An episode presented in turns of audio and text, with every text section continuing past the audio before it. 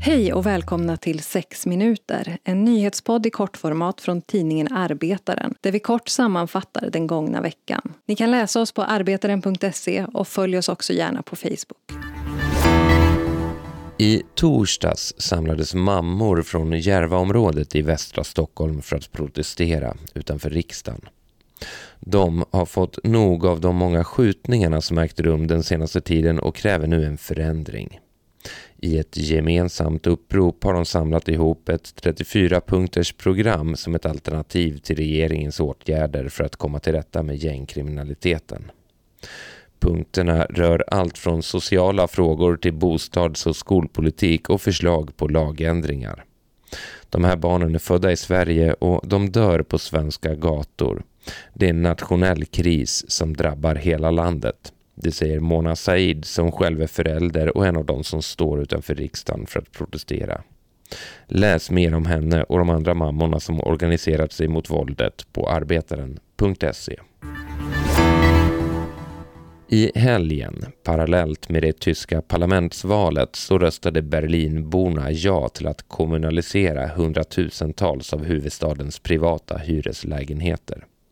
De senaste åren har hyrorna i den tyska huvudstaden skjutit i höjden. Det här är något som lett till både ilska och frustration bland de boende. Samtidigt har en våg av organisering svept genom Berlin och efter att över 300 000 namnunderskrifter samlats in hölls i söndags, samtidigt som parlamentsvalet, en rådgivande folkomröstning i frågan om expropriering av de många privata fastighetsjättarnas lägenheter.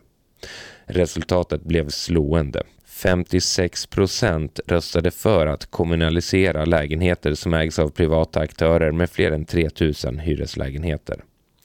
Omröstningen är dock inte bindande så än så länge är det oklart om politikerna kommer att gå folket till mötes. Men att så många engagerat sig i frågan är positivt och bidrar till att bostadspolitik och hyreshöjningar lyfts i den politiska debatten. Det menar åtminstone Ilan Kelicoglu från det Stockholmsbaserade hyresgästnätverket Ort till ort och som själv var i Berlin veckan före omröstningen och studerade kampanjarbetet. Folkomröstningen har den effekten att den lyfter upp en debatt. Att den tydliggör konflikten mellan liksom privata fastighetsägare som försöker tjäna pengar på oss, kapitalisterna som försöker tjäna pengar på oss och de hyresgäster som har det svårt att gå runt i sin vardag med de höga hyrorna som kommer. Mm. Den debatten lyfter man upp. Det tror jag är såklart. Det sa alltså Ilan Kilicoglu från hyresgästnätverket Ort till ort. Om valresultatet hörsammas av politikerna i Berlin så kan snart 230 000 hyreslägenheter som ägs av privata fastighetsbolag övertas av staden. Nu till Finland. Där greps drygt 140 miljöaktivister på onsdagskvällen sedan de blockerat vägen framför riksdagshuset i Helsingfors. Aktionen var början på en tio dagar lång kampanj från Elokapina, den finska grenen av det globala klimatnätverket Extinction Rebellion. Aktivisterna kräver att den finska regeringen utlöser klimatnödläge och att Finlands mål för klimatneutralitet tidigare läggs till 2025. De gripna aktivisterna släpptes igen på torsdagen men väntas fortsätta med sina protester den kommande veckan. Nu tillbaka till Sverige. Regeringen meddelade i veckan att de tillsätter en särskild delegation för bekämpandet av arbetslivskriminalitet. Det här som ett sätt att komma åt bland annat människoexploatering på svenska arbetsplatser. Andra frågor som pekas ut är brott mot arbetsmiljölagar och skattefusk bland företag.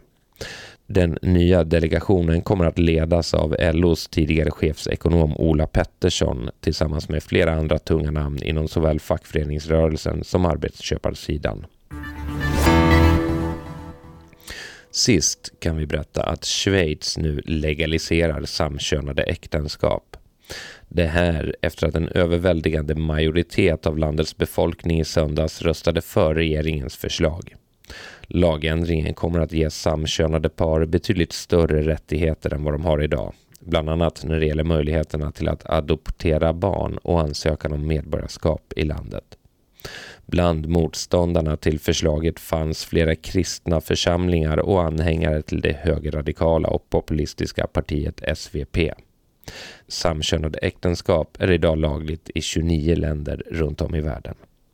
Läs mer om det här och mycket annat på arbetaren.se. Det här var veckans 6 minuter. Du hör oss igen nästa fredag.